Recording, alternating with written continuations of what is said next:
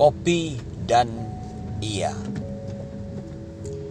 Ia aku tenggelamkan dalam genangan kopiku. Senyumnya terlalu sering berkelebat di sesap mata. Wajahnya terlalu rajin izin tinggal di pangkal benak.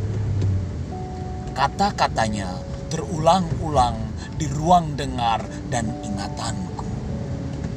Maka, ia aku benamkan saja dalam genangan kopiku. Walau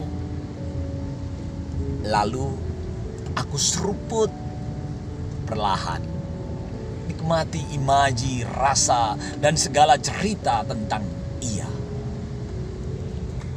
Bagaimana lalu lupakan ia? Bahkan dalam genangan kopi panas yang telah terbenami olehnya itu, aku nikmati teguk demi teguk. Ia sepertinya justru menghidupi lambungku. Ia sepertinya justru menjalari nadi darahku. Ia meng aku.